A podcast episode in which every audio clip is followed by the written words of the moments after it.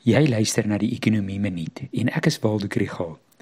In 'n week waar daar baie geskryf word oor rentekoerse, is een van die redes waarom die repo koers nog 'n keer verhoog moet word, die rentekoersverskil tussen Amerikaanse en Suid-Afrikaanse staatsskuld. Ons moet 'n premie aanbied om beleggers na ons kapitaalmark te lok en wanneer die Amerikaners hulle rentekoers verhoog, word die premie kleiner.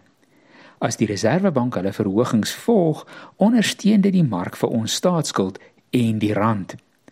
Daardie premie is egter baie groot en nuwe navorsing vra hoeveel daarvan te doen het met kredietrisiko, met onsekerheid oor inflasievooruitsigte of met die risiko dat die rand kan depresieer. Daar is dus 3 risiko's wat maak dat beleggers 'n hoë rentekoers wil hê as hulle ons staatsskuld koop. Die kredietrisiko is dat kopers van staatsskuld oor die langtermyn nie hulle geld terugkry nie omdat die fiskale posisie so agteruit gegaan het dat die regering nie die skuld kan aflos nie.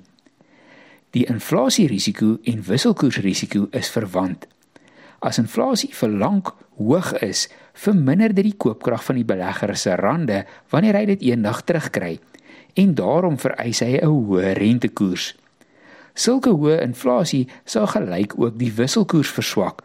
So die belegger wat rande terugkry en dit moet verruil vir dollar, vereis 'n hoë rentekoers. Die navorsers bevind dat dit veral die verswakking van die fiskale posisie oor die laaste aantal jare is wat die rentekoerspremie op staatsskuld so hoog maak. As konservatiewe fiskale beleid en streng inflasie mikpuntstelling kan help om die langtermyn rentekoerse op staatsskuld te verlaag, sal dit 'n wen wees vir investering en ekonomiese groei.